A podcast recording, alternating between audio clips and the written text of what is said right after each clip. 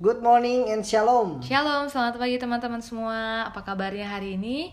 Kembali hari ini kita akan bersama-sama bersaat teduh, memuji, menyembah Tuhan. Dan hari ini kita akan dilayani oleh Ko Iwan dan Ci Evi.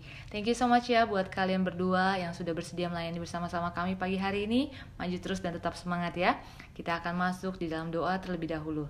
Bapak dalam surga, kami mengucap syukur Tuhan Yesus buat kebaikanmu, pemeliharamu yang sempurna atas hidup kami. Terima kasih untuk kasih setiamu yang gak pernah berubah dalam kehidupan kami. Engkau Allah yang selalu ada bersama kami, Engkau Allah yang selalu setia di dalam kehidupan kami. Kami berdoa minta pimpinanmu Tuhan Yesus bagi kami Tuhan Yesus dalam setiap aktivitas kami sepanjang hari ini. Engkau yang tuntun kami, Engkau yang berkati kami. Roh Kudus, Engkau yang guide our ways, Engkau yang give us wisdom, give, up, give us your advice Tuhan Yesus in everything we do Tuhan Yesus. Biar kehidupan kami boleh memuliakan Engkau. Terima kasih Tuhan Yesus, di dalam nama Yesus kami berdoa mengucap syukur. Haleluya. Amin. Amin.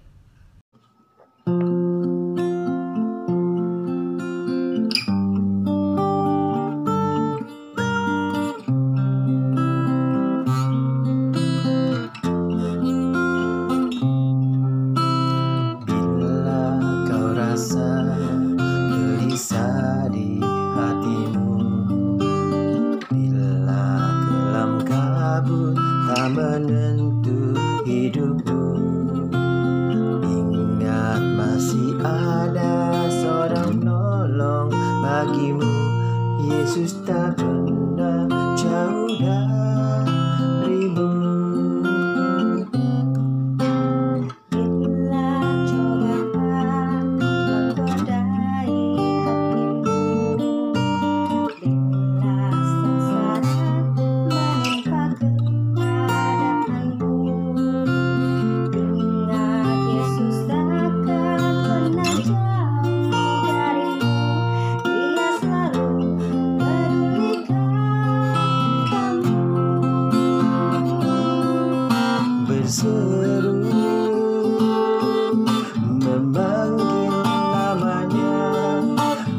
doa dia akan segera menghampiri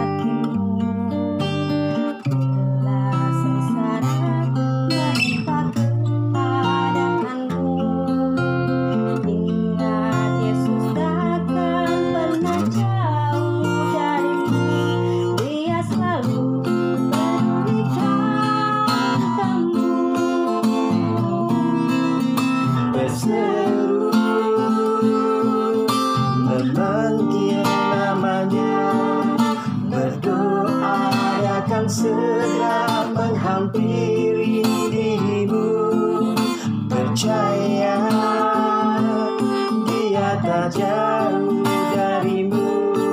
Dia hanya sejauh doa. Berseru memanggil namanya. Berdoa dia akan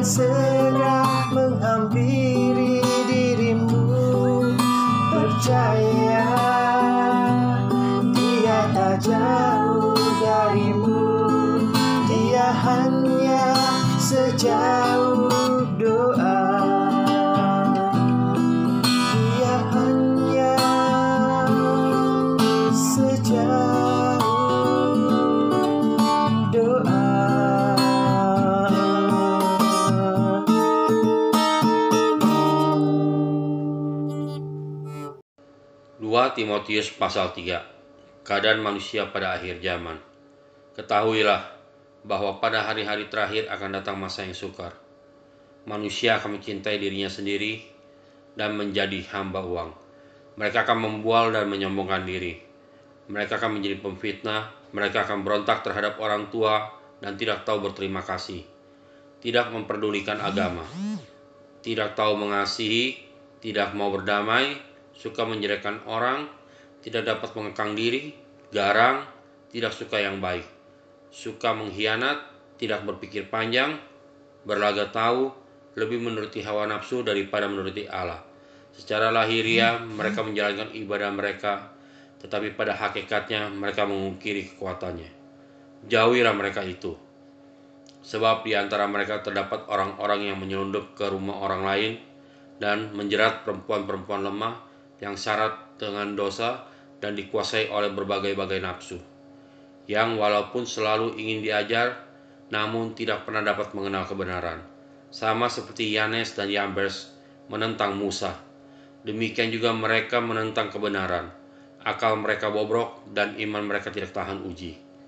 Tetapi sudah pasti mereka tidak akan lebih maju, karena seperti dalam hal Yanes dan Yambres, kebodohan mereka pun akan nyata bagi semua orang.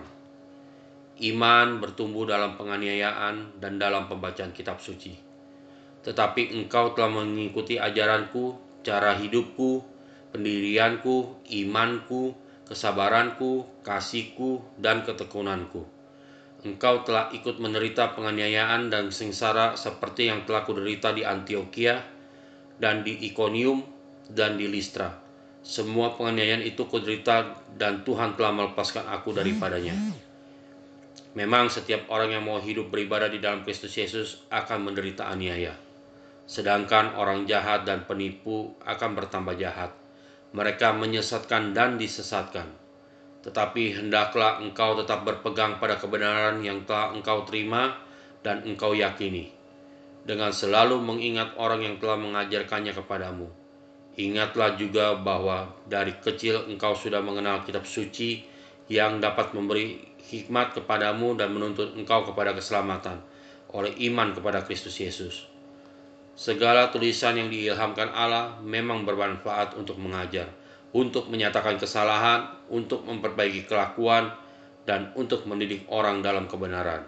Dengan demikian, tiap-tiap manusia kepunyaan Allah diperlengkapi untuk setiap perbuatan baik. Amin. Shalom Kohartono. Shalom Kohartono. Kohartono, thank you so much ya sudah melayani bersama-sama kita pagi hari ini untuk membacakan firman Tuhan di 2 Timotius 3. God bless you. Sebuah peringatan dari bacaan firman hari ini bahwa kita saat ini sedang berada di akhir zaman. Kejahatan semakin meningkat, kompromi terhadap dosa dan pelecehan terhadap standar moral yang selama ini kita pegang bukan hanya sebagai umat beragama tetapi sebagai umat yang diciptakan serupa dengan gambar Allah. Banyak orang melegalkan aborsi, LGBT dan segala dosa lain yang dilarang Tuhan dengan mengatasnamakan hak kebebasan manusia. Sebagai anak-anak Allah, kita tidak bisa lagi hidup suam-suam kuku. Kita perlu upgrade spiritual kita, disiplinkan kehidupan kita agar kita terus on fire dan terus setia. Hari ini kita mau belajar bagaimana kita dapat berdiri kuat di atas iman kita kepada Yesus sama seperti Timotius. Yang pertama, di ayat yang ke-10 mengajarkan bahwa kita hal yang harus kita lakukan adalah memperhatikan dengan sungguh-sungguh setiap pengajaran yang kita terima dari firman Tuhan dari doa fajar, dari setiap ibadah. Catat dan renungkan, jadikan ini sebuah kebiasaan yang baru di tahun 2021, agar diri kita tidak mudah disesatkan oleh pengajaran palsu. Yang kedua, cara hidup kita harus berbeda dengan cara hidup dunia. Jangan kompromi dengan dosa. Miliki hidup yang berintegritas. Jauhi kesenangan dunia jika bertentangan dengan ajaran yang kita terima.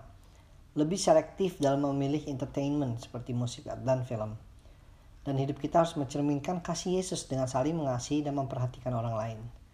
Yang ketiga, pendirian atau dalam terjemahan Amplified, purpose in life. Tujuan hidup kita adalah untuk menyembah dan memuliakan Tuhan. Baik melalui hidup keluarga kita, pekerjaan atau usaha, dan pelayanan kita, semua memuliakan Tuhan Yesus kita. Yang keempat, iman kita harus terus bertumbuh dan dijaga. Iman timbul dari pendengaran akan firman Tuhan. Jaga apa yang masuk ke dalam hati kita dari bacaan, berita, semuanya itu harus kita jaga. Yang kelima, kesabaran dan kasih akan bertumbuh seiring dengan bertumbuhnya iman. Sekarang ini kita lebih memerlukan kesabaran dan kasih. Sabar dan tetap mengasihi Yesus walaupun keadaan di tahun 2021 masih banyak tantangan. Sabar dan mengasihi dalam berinteraksi di keluarga, dalam pelayanan, dalam usaha dan pekerjaan. Yang keenam, Ketekunan. Jika kita sudah memiliki lima poin di atas, maka kita bisa hidup tekun sambil terus menantikan kedatangan Tuhan kita Yesus. Terus semangat melayani, bekerja dan berdoa, bersekutu dengan Tuhan kita setiap hari. Tahun 2021 mungkin nggak mudah, tapi kita tidak berjalan sendirian. Tuhan Yesus selalu menyertai kita milik kepunyaannya. Seperti yang tertulis di 2 Timotius 3 ayat yang ke-17. Dengan demikian, tiap-tiap manusia kepunyaan Allah diperlengkapi untuk setiap perbuatan baik. Ayat favorit saya di 2 Timotius 3 ayat 14 sampai 17. Hari ini kita akan belajar poin-poin penting di ayat 14 sampai 17 yang Paulus sampaikan kepada Timothy. Yang pertama yaitu But you must remain faithful to the things you have been taught. You know they are true, for you know you can trust those who taught you. Tetap setia dengan hal-hal yang sudah diajarkan kepadamu, karena hal-hal tersebut benar dan kamu tahu bahwa kamu dapat mempercayai orang yang mengajar kamu. Tadi sudah disebutkannya di ayat-ayat awal di 2 Timotius 3 ini bahwa keadaan dunia di hari-hari terakhir akan sangat sulit. Banyak penyimpangan, dosa, hal-hal aneh dan buruk dan lain-lain yang terjadi di mana pun. Oleh karena itu, kita perlu berpegang teguh pada kebenaran yang kita percayai, yaitu Tuhan Yesus. Kita harus tetap setia kepada Tuhan Yesus dan jangan biarkan apa yang terjadi di lingkungan kita mempengaruhi cara hidup kita. Namun mari kita semua bangun kehidupan rohani kita di atas dasar iman yang kuat, yaitu di dalam firman Tuhan. Poin yang kedua, you have been taught the Holy Scriptures from childhood and they have given you the wisdom to receive the salvation that comes by trusting in Christ Jesus. Kita tahu semua ya bahwa Timothy ini memiliki iman percaya kepada Tuhan karena dia diajar oleh ibunya dan neneknya tentang kitab suci sejak kecil. Kalau kita ingat kita sudah baca di 2 Timotius 1 ayat yang kelima. Nah, di sini sangat penting peran orang tua bagi kehidupan anak-anaknya. Orang tua harus membimbing dan memimpin anak-anaknya untuk percaya kepada Tuhan, mengajar mereka tentang kebenaran firman Tuhan sejak kecil, sehingga firman Tuhan menjadi fondasi yang kuat di dalam hidup mereka. Mari teman-teman, kita semua entah sebagai orang tua, sebagai kakek atau nenek, om atau tante, Mari kita mulai mengajak anak-anak kita, cucu-cucu kita, keponakan-keponakan kita untuk belajar mengenal firman Tuhan sejak kecil, supaya mereka tumbuh menjadi manusia yang kuat di dalam Tuhan Yesus. Poin yang ketiga, All scripture is inspired by God and is useful to teach us what is true and to make us realize what is wrong in our lives. It corrects us when we are wrong and teaches us to do what is right. God uses it to prepare and equip his people to do every good work. Nah, pesan sponsor lagi nih untuk kita semua supaya kita rajin-rajin baca Alkitab. Karena disebutkan di ayat ke-16 sampai 17 ini bahwa segala tulisan inspirasi dari Tuhan bertujuan untuk mengajar kita apa yang benar dan membuat kita sadar apa yang salah dalam hidup kita untuk meluruskan jalan kita, untuk mengkoreksi kita jika kita salah, dan mengajar kita untuk melakukan hal yang benar. Juga sebagai cara Tuhan untuk mempersiapkan kita di dalam segala hal, dilengkapi dengan utuh untuk segala hal yang baik yang Tuhan ingin kita kerjakan. Firman Tuhan merupakan standar yang tepat bagi kita untuk menguji segala sesuatu, sebagai panduan bagaimana kita harus hidup Nah, berapa banyak waktu yang kita luangkan untuk membaca firman Tuhan setiap hari? Kita perlu jawab masing-masing ya, introspeksi diri kita masing-masing. Dan saya mengencourage teman-teman semua untuk kita semua secara reguler atau rutin membaca firman Tuhan, merenungkan firman Tuhan dan mengaplikasinya dalam kehidupan kita bukan cuma untuk nambah pengetahuan atau untuk sok jago untuk uh, sebagai uh, alasan untuk mendebat berdebat hal ini berdebat hal itu namun firman Tuhan kita mau gunakan untuk membangkitkan atau menguatkan iman kita dan memimpin hidup kita untuk senantiasa berkenan kepada Tuhan. Dan biar kehidupan kita boleh senantiasa menyenangkan Tuhan dan memuliakan Tuhan. Haleluya. Oke teman-teman. Sekian hari ini. Sampai ketemu besok. Oke, sampai jumpa besok ya. Have a nice day. God, God bless, bless you. you.